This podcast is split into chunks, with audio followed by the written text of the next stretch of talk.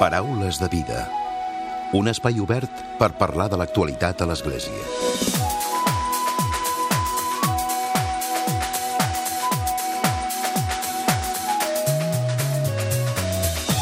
Què tal? Salutacions i molt bon dia, molt bon diumenge. Estem ja a les últimes hores d'aquest 2017. Aquesta mitjanit estrenem un nou any, el 2018, un any en què esperem que ens continueu fent companyia, fent costat. Nosaltres us portarem les millors històries per aquestes primeres hores dels diumenges. Avui, per exemple, parlarem dels mitjans de comunicació de l'Església i concretament d'un aniversari.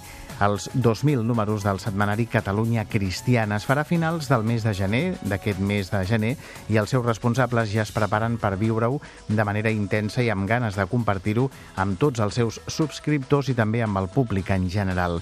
L'acte central serà una missa que presidirà el cardenal Joan Josep Omella el 28 de gener a partir de les 7 de la tarda. De seguida en parlem, ho fem en conversa amb mossèn Jaume Aymar, que és el director de Catalunya Cristiana i de Ràdio Estel.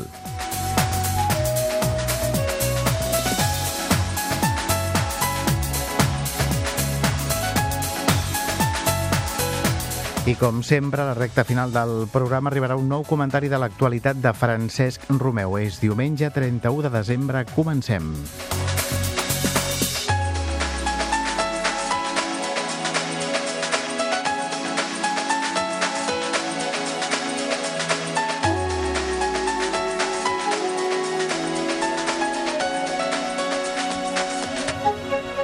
Paraules de vida.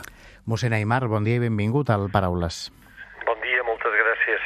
I enhorabona per aquests 2.000 números de Catalunya Cristiana, que es diu ràpid, però déu nhi oi? Sí, sí, sí, fa impressió. Uh -huh. Són 2.000 números que se celebren ara a partir del mes de, de gener amb diferents activitats, com ara dèiem, i una que serà la principal, aquesta missa presidida pel, car pel cardenal arcabisbe Joan Josep Omella. Però parlem primer de tot, Catalunya Cristiana, pels oients del Paraules de Vida de Catalunya Ràdio que no ho sàpiguen. Què és el setmanari Catalunya Cristiana? El setmanari Catalunya Cristiana és una publicació catalana que des del principi s'ha dit en català i en castellà, es fa una doble edició, l'objectiu de la qual doncs, és parlar de l'actualitat religiosa a Catalunya, des del vessant informatiu i també des del vessant d'opinió, i també informar de l'Església doncs, a Espanya i al món. Uh -huh amb diferents, per tant, perspectives, és a dir, l'actualitat de l'Església des de diferents perspectives i també des dels diferents gèneres periodístics, oi? Perquè hi ha entrevistes, hi ha reportatges, hi ha una mica de tot. Sí, des del principi doncs, hi ha hagut varietat, hi ha cròniques, hi ha seccions d'opinió fixes, després seccions que són doncs, cícliques, temporals, eh?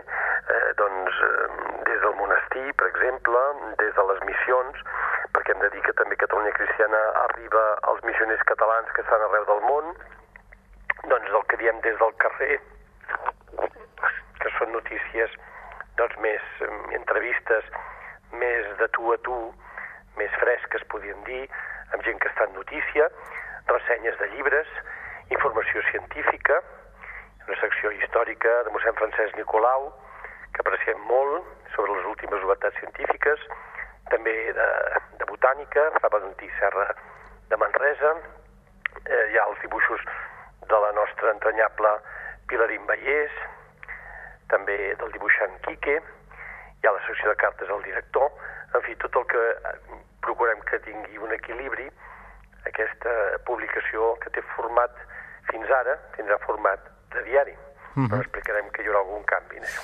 Ho explicarem al llarg d'aquesta conversa, d'aquest aniversari del Catalunya Cristiana, del setmanari Catalunya Cristiana. També, com sempre, és un diari, és un setmanari, per tant, d'informació, molt atent sempre també a les eh, informacions, als fets que són més importants i que també els abordeu de manera més eh, en profunditat, no? amb, amb monogràfics també de tant en tant i amb, i amb seccions centrals que aborden qüestions des d'un punt de vista doncs, de més profunditat, oi? Té el seu primer pla, el primer pla és monogràfic i sempre, com molt bé dieu, doncs és sobre realitats d'església, realitats socials, culturals. Bé, l'església, ja ho deia el Concili Vaticà II, no hi ha res d'humà que ens sigui aliè, que siguem indiferents. Per tant, totes les realitats d'Església hi són molt presents i totes les realitats també socials perquè l'Església forma part de la societat. Uh -huh. A mi m'agrada dir l'Església i la resta de la societat perquè parlar d'Església per una banda i societat per una altra és una dicotomia que no em sembla còmoda.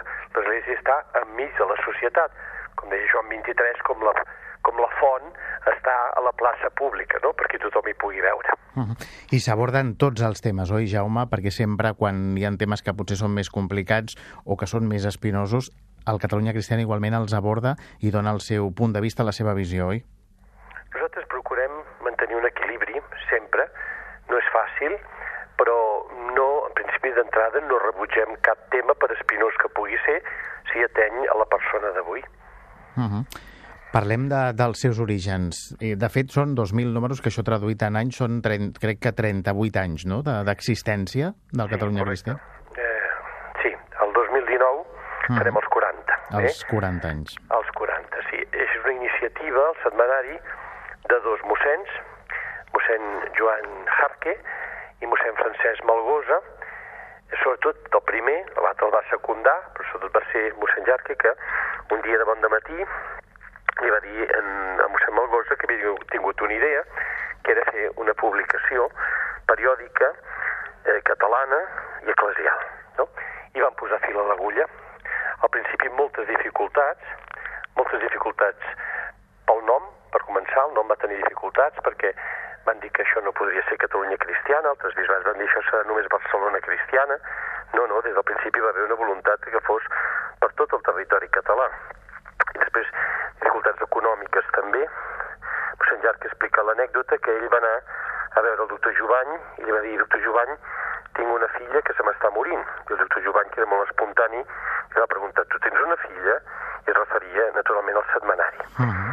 Quan li va explicar, va dir, doncs no, no pot ser, eh? t'hem d'ajudar, i aleshores doncs, es va implicar molt més, i bé, hem passat doncs, tots aquests anys i continuem sortint setmana rere setmana. Uh -huh. Mossèn Jaume Aymar és actualment, des de fa uns anys, el director de Catalunya Cristiana, del setmanari també de l'emissora també de, de l'Arcabisbat de Barcelona, de la, de la ràdio de l'Església de, de Catalunya, però tot i que ara sigui el director, ell també ha estat implicat des dels inicis, oi, en, en aquest projecte comunicatiu d'Església? Bé, el meu primer contacte amb Catalunya Cristiana va ser l'any que va sortir, el 1979. Llavors jo era bastant jovenet i, i me'n recordo que vaig anar amb un amic a veure mossèn Jarque per, per presentar-li el meu primer article, que es deia Temps de passotisme, me'n recordo. Mossèn Jarque llavors estava molt preocupat per aquesta qüestió econòmica que he apuntat abans, però també molt esperançat perquè ell deia que la realitat eclesial és tan rica que, que cada setmana hi havia molta matèria per, per, per la publicació. I això nosaltres ho hem constatat també. És a dir, eh, en, ens sobra material. Hi ha molta vi, vivacitat, molta riquesa de l'Església al món i entre nosaltres. Eh? Eh, sortit Ràdio Estel, certament els dos mitjans treballem molt conjuntament i bé, des de l'any doncs, 2008 un servidor els dirigeixo tots dos. Uh -huh. De fet, els dos mitjans aprofiten les sinergies que generen tant un com l'altre i les comparteixen, oi? Procurem. O sigui, ja des del principi la redacció ens treballa conjuntament, eh? naturalment són dos mitjans diferents i cada un té la seva especificitat, però procurem doncs, que les notícies circulin i treballem pel que avui es diu una convergència de mitjans. Uh -huh. De mitjans, com expliquem, de l'Església de Catalunya, de l'Església Catalana, aquest setmanari Catalunya Cristiana, que aquest 2018, el proper any, que és de fet ja ens falten poques hores per entrar-hi, celebrarà els 40 anys. I com dèiem també a la nostra portada, mossèn Jaume Aymar, hi haurà un dels actes principals per celebrar aquesta efemèride, per celebrar aquests 2.000 números, aquests 38 anys, aquests 30, no, 40 anys d'existència, de, amb una missa, oi?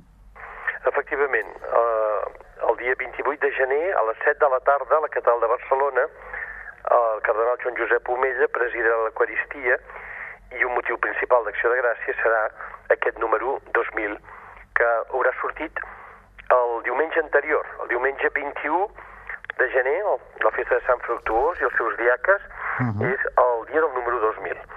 I el 28 serà el 2001, que confiem que aparegui ja amb el nou format. Uh -huh. Per tant, hi ha novetats, i una d'aquestes novetats serà el format, el nou format que tindrà el Catalunya Cristiana. Sí. Eh, nosaltres, des del principi, hem mantingut el format diari. Recordo que mossèn Jarque deia, a mi m'agrada molt aquest format, quan veig que Catalunya Cristiana està per terra, perquè han fregat i l'han posada. Vol dir que la gent l'ha llegida i ara la fan servir per, per, sí, per no posar els peus directament a terra, no? Uh -huh. Llavors es feia molt, això ara no es fa tant, no? Però es posaven papers de diari quan s'havia fregat. O bé per embolicar l'esmorzar. Ara això tampoc es fa, no? Es fa amb, amb el val, però aleshores es feia. Perquè deia, si es reutilitza, vol dir que s'ha llegit, o que la gent l'ha tingut i que l'ha llegit. Bé, nosaltres hem mantingut sempre aquest format, però ha arribat un moment que ens sembla que per raons pràctiques i per raons també de que la gent se n'adoni que nosaltres no som un diari estrictament, sinó un setmanari, que és una altra periodicitat, que fa que les lectures, les notícies no siguin tampoc d'una actualitat, diem, frapant com la del diari, sinó que hi hagi més lloc per una reflexió més aprofundida, doncs adoptarem aquest format de revista, mantindrem la, la, procurem mantenir la riquesa informativa, però certament creixeran molt les imatges, el tipus de lletra serà més llegível i baixarem doncs, eh, l'extensió dels textos, els textos es reduiran. Uh -huh.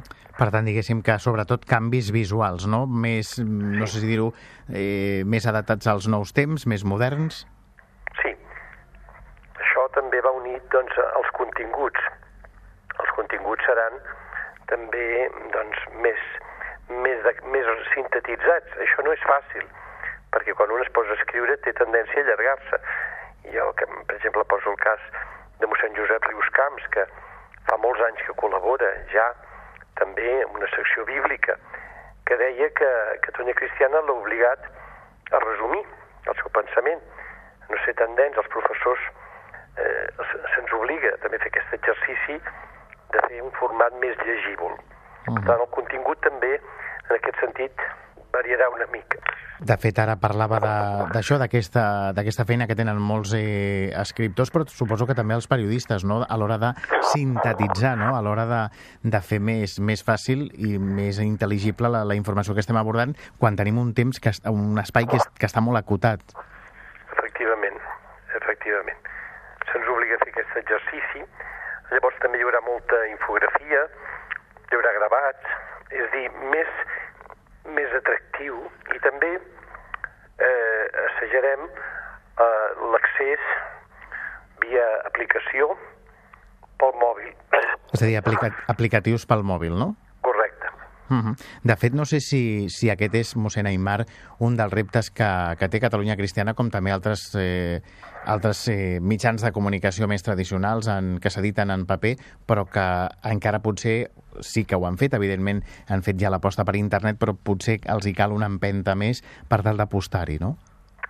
Sí, nosaltres veiem que molts rotatius el que es dediquen a fer ara és, sobretot, dediquen les seves energies eh, a, a la part informàtica, o sigui, en el seu, en el seu web, la informació digital, i després la de paper, però es prioritza ja, sobretot, la informació digital. Nosaltres, evidentment, dir que si ara nosaltres resumim els continguts, hi haurà una ampliació d'aquests continguts al nostre web. Mm -hmm. De fet, ara, com parlava mossèn Aymar, no? el setmanari Catalunya Cristiana, la informació potser no ha de ser tan immediata, sinó aquella informació que potser necessita d'un repòs i d'una reflexió que potser en el dia a dia eh, i en el que és internet, en la immediatesa, no trobem, però que sí que podem trobar en el suport paper, oi? Sí, nosaltres creiem que sí, eh? que encara és diferent llegir en pantalla que llegir en suport paper. A més, clar, els nostres subscriptors ja són grans, molts d'ells, no? Molts són fidels des de primera hora. Això vol dir que tenen 38 anys més, eh? Mm. eh molts se'ns han anat morint també, i certament hi ha hagut noves subscripcions, però no suficients encara, eh? Però la gent gran o mitjanament gran, que també és la gent de, de les nostres comunitats i de les nostres parròquies, doncs encara prefereix el format paper, que també té, doncs, també té el seu encís, no? per això el mateix que, que estava comentant, d'una lectura més, més pausada, més assossegada, sense aquella immediatesa que dona la pantalla. Uh -huh. Ara parlàvem del perfil de subscriptors, deia mossèn Jaume Aymar, un subscriptor de, de gent més gran, tot i que un dels reptes també deu ser el d'agafar i arribar al públic més jove, no? Sí. Nosaltres, eh, per això també l'equip que ha fet el redisseny és un equip jove i s'ha mirat el setmanari amb, amb ulls joves, i això és important perquè tant des del tipus de lletra com el tipus d'il·lustracions o de fotografies doncs estan redissenyats per, per, per això, per un equip molt, diem, jove, però també ja amb experiència eh, en aquest tipus de, de publicacions. Uh -huh. Doncs com explicàvem, com parlàvem d'aquest aniversari, d'aquests 2.000 exemplars del setmanari Catalunya Cristiana, que serà ara ja el proper mes de, de gener, amb una missa, una missa especial que es farà el dia 28, dèiem, mossèn Jaume Aymar? Sí, sí, serà el 28 de gener, a les 7 de la tarda a la Catedral de Barcelona. Uh -huh. Doncs ho recordem per tots els oients del Paraules de Vida i abans d'acabar també, la coexistència amb altres mitjans de comunicació també d'Església és fàcil avui dia? Suposo que, que hi ha molta competència, oi? Bé, nosaltres en aquest moment som l'únic setmanari que es fa a Catalunya. L'únic, eh? almenys de temes eclesials és l'únic setmanari. Ah, llavors, això vol dir que les altres publicacions, doncs, jo penso que hi ha una, una, bona, una bona entesa i una bona cooperació amb d'altres publicacions d'Església. Potser les altres no són més digitals, no? Són més digitals, no? Sí, sí, són més digitals. Cadascú té el seu caràcter, la seva experiència. Jo penso que sempre que podem, i sempre ho hem intentat, hem de sumar esforços amb altres iniciatives eclesials, que n'hi ha, n'hi ha moltes també, perquè moltes congregacions religioses tenen els seus propis òrgans de difusió també Eh, però, per exemple, nosaltres ara amb el, amb el portal Catalunya Religió, doncs, des de primera hora que col·laborem, sempre oferint tres temes de fons del setmanari, mm. i amb d'altres. Clar, de fet, s'aprofita aquesta sinergia no?, entre els diferents mitjans. Sí, penso mm. que, que en aquest moment eh, l'hem d'aprofitar al màxim, no? És dir, perquè bé, a vegades aquell debat que hi havia entre mitjans, si mitjans públics, privats, jo penso que l'Església ha de procurar estar present amb les regles pròpies de cada mitjà en tots els mitjans que pugui ser i que se li doni cabuda. Uh -huh. Mossèn Jaume Aymar és el director del Catalunya Cristiana, del setmanari Catalunya Cristiana i de Ràdio Estel, que celebren aquest proper any aquests 2.000 números i el 2001 ja hi haurà novetats amb el canvi de format, entre d'altres. Mossèn Aymar, moltes gràcies avui per haver-nos acompanyat al Paraules de Vida, moltes felicitats per aquests 2.000 exemplars del Catalunya Cristiana i molt bon any que sigui el 2018 un any de més èxits. Molt bon any també, molt bon any per, per aquest espai tan fidel també a l'audiència, tan entranyable de Paraules de Vida. Moltes gràcies. Paraules de Vida. Un espai obert per parlar de l'actualitat a l'Església. I després de parlar amb mossèn Jaume Aymar, que és periodista, parlem amb un altre periodista, amb en Francesc Romeu. Francesc, molt bon dia. Molt bon dia a tothom, i com que ja estem a les portes d'un nou any, feliç any nou. Avui, aquest diumenge, que coincideix amb el darrer dia de l'any, no ens aniria gens malament que féssim un resum de l'any que deixem al darrere i que alhora també féssim una mica de previsió i de bons desitjos de cara a l'any que ve. Ben aviat, en qüestió d'hores, començarem. Omplim-nos, doncs, de bons desitjos, fem-ho personalment. Ja va ser habitual que el papa Francesc aprofiti la trobada de felicitació de Nadal amb els treballadors de la Cúria Vaticana per expressar públicament les dificultats amb les que ell es troba a dins de casa a l'hora d'emprendre la reforma de l'Església. Ja ho va fer l'any 2014 anomenant les 15 malalties de la cúria. L'any següent va donar una mena de catàleg de les virtuts necessàries que ha de tenir el qui presta servei a la cúria, com uns medicaments. I l'any passat es va fer referència a tres tipus de resistències a la reforma – les normals i, i saludables, les amagades i, finalment, les resistències malèvoles, de ments distorsionades i conduïdes pel dimoni. Aquest any el papa Francesc ha parlat del caràcter de servei, de diaconia que ha de tenir la cúria, especialment cap a l'exterior, a textra, amb les altres nacions, amb les esglésies locals, amb les esglésies orientals, amb el diàleg ecumènic, amb el judaïsme, amb l'islam i amb les altres religions. Un primer perill que detecta el papa Francesc en la cúria i que es vol superar és el de la des desequilibrada i degradada lògica de les intrigues i dels petits grups que en realitat representen, malgrat les seves justificacions i bones intencions, un càncer que porta a l'autoreferencialitat, que s'infiltra també en els organismes eclesiàstics com a tals i en particular en les persones que treballen en ells. Quan passa això, diu el papa, aleshores es perd l'alegria de l'Evangeli, l'alegria de comunicar a Crist i d'estar en comunió amb ell, es perd la generositat de la nostra consagració. Un segon perill, diu el papa Francesc, és el dels traïdors de la confiança o els qui s'aprofiten de la maternitat de l'Església, és a dir, de les persones que han estat seleccionades amb molta cura per donar un major vigor al cos i a la reforma, però en no comprendre la importància de les seves responsabilitats es deixen corrompre per l'ambició o la vanaglòria i quan són delicadament apartades s'autodeclaren equivocadament màrtirs del sistema, del papa desinformat o de la vella guàrdia, en comptes d'entonar el mea culpa. Al costat d'aquestes persones n'hi ha d'altres que segueixen treballant en la cúria, a les quals se'ls dona el temps per reprendre el bon camí, amb l'esperança que trobin en la paciència de l'Església una ocasió per convertir-se i no pas per aprofitar-se'n. Tot això sense oblidar la immensa majoria de persones fidels que hi treballen. Per acabar, voldria recordar dos capellans que ens han deixat aquests dies i que han estat de referència pel seu mestratge en el camp de la història i del periodisme, respectivament. El passat dimarts, 19 de desembre, va morir als 80 anys Joan Bada, capellà de Barcelona i reconegut historiador. Bada va ser per molts de nosaltres el gran professor d'història a la Facultat de Teologia, una docència que ell també combinava amb la Facultat d'Història de la Universitat de Barcelona un home molt exigent amb els seus alumnes, però alhora també un gran lluitador per una església més oberta. Jo el recordo a classe comparant amb molta traça les diverses etapes de la història amb les seves semblances i diferències, però també el recordo en l'organització del Fòrum Home i Evangeli l'any 1985 i després amb els següents fòrums fins a, anomenar-se Fòrum Vida i Evangeli. Un altre capellà que ens ha deixat aquests dies ha estat en Joan Sobirà i Rocamora, que va morir el mateix dia Sant Esteve, el dimarts 26 de desembre. Joan Sobirà també era periodista i durant molts anys va treballar a la redacció del diari Avui, del qual n'havia estat un dels professionals fundadors. De fet, en la portada del primer número del diari Avui, del 23 d'abril del 1976, ja l'encapçalava una notícia signada per ell i titulada 20.000 obrers del metall en vaga. Com molt bé assenyalava el seu nebot, Eduard Ballori, Sobirà, a banda de capellà i periodista, també era un murri, perspicaç, compromès, conseqüent i li agradava jugar amb les paraules. Jo vaig tenir l'oportunitat de fer-li el pròleg de les seves memòries publicades al gener del 2013 i titulades Jo sóc un zero a l'esquerra, memòries d'un capellà, capellà i cap aquí. Molt bon diumenge a tothom!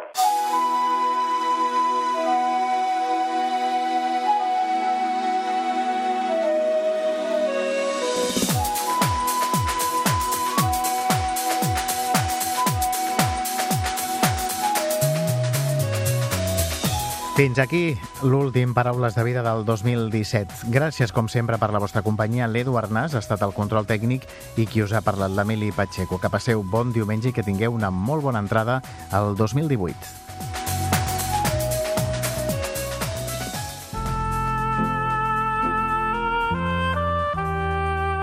Us oferim la carta dominical de l'arcabisbe de Barcelona, Joan Josep Omella. Déu vos guard. Som ja a la vigília del nou any del Senyor 2018. Tots som convidats a entrar-hi amb alguns bons propòsits. Tenim per endavant 12 mesos per omplir-los amb bones obres. Fa pensar molt, en aquest sentit, la inscripció llatina que hi ha al rellotge de la sacristia de la catedral de Barcelona que diu Dum tempus habemus operemur bono que vol dir ara que tenim temps, fem el bé. Aquest any 2018 la nostra comunitat diocesana té unes tasques a complir, tasques que poden esdevenir propòsits per l'any que comença. La primera és la publicació i aplicació del nou Pla Pastoral Diocesà. En el moment de cloure l'any de la Misericòrdia, a la Basílica de Santa Maria del Mar, el 19 de novembre de 2016, vaig proposar a tota la diòcesi l'iniciar un treball amb projecció de futur, la preparació personal i comunitària en la línia d'una conversió pastoral i missionera, d'un plan pastoral diocesà que ens ajudés a fer realitat en nosaltres la pràctica de la misericòrdia. Es varen rebre moltes respostes de grups i persones individuals. Totes les respostes han estat estudiades i estructurades per esdevenir la pauta per a la redacció del nou pla que ha d'inspirar l'acció pastoral en la nostra diòcesi durant el proper trienni. Aquest treball comú va començar coincidint amb el temps de quaresma de l'any que acabem. Ara ja tenim enllestit el nou pla que serà presentat a tots els diocesans, coincidint també amb la Pasqua del nou any. Quan la litúrgia ens convida a preparar la celebració de la Pasqua amb un temps de conversió, presentarem i treballarem el text del nou pla perquè ens ajude a ser més fidels al Senyor i a l'Evangeli. Aquest és, doncs, el primer dels nostres propòsits per el nou any. Les respostes rebudes manifestaven una gran sintonia amb les orientacions donades pel papa francès per a tota l'Església. Em plau subratllar aquest fet perquè manifesta la sensibilitat i vitalitat dels cristians d'aquesta terra en el seguiment de Jesucrist en el nostre temps. Donem gràcies a Déu per aquesta harmonia. Un segon propòsit per al nou any és la celebració del vuitè centenari de la Fundació de l'Ordre de la Mercè. El fet s'esdevingué l'agost de l'any 1218 a la Catedral de Barcelona i tingué una gran responsabilitat el que era aleshores el bisbe de Barcelona, Berenguer de Palou, que oferí la creu de la catedral per incorporar-la a l'escut i a l'hàbit dels religiosos de la nova institució. Per obra sobretot de laic Sant Pere Nolasc, va néixer un ordre religiós dedicat a la redempció dels captius, una greu necessitat social d'aquell temps. Aquesta commemoració ens fa pensar les necessitats socials i en les respostes que hem de donar com a Església en el present. Aquesta commemoració és també un repte i un compromís ens comprometem a servir al nostre poble i a contribuir a la seva cohesió social, seguint una línia que ha estat una constant en l'acció pastoral diocesana i creiem que continuarà donant bons fruits en el futur. I el tercer propòsit, per no citar-ne més, és treballar per la pau i la concòrdia al nostre país, a les nostres famílies, a les nostres vides i a tot el món. La pau és el que tots desitgem, és el cant que va dur els àngels, els pastors a Belén, i és el nom del Messies, príncep de la pau. I aquesta és la petició que en començar l'any nou farem demà a la Jornada Mundial per la Pau. Benvolguts germans, que Déu us beneixi a tots us hem ofert la carta dominical de l'arcabisbe de Barcelona, Joan Josep Omella.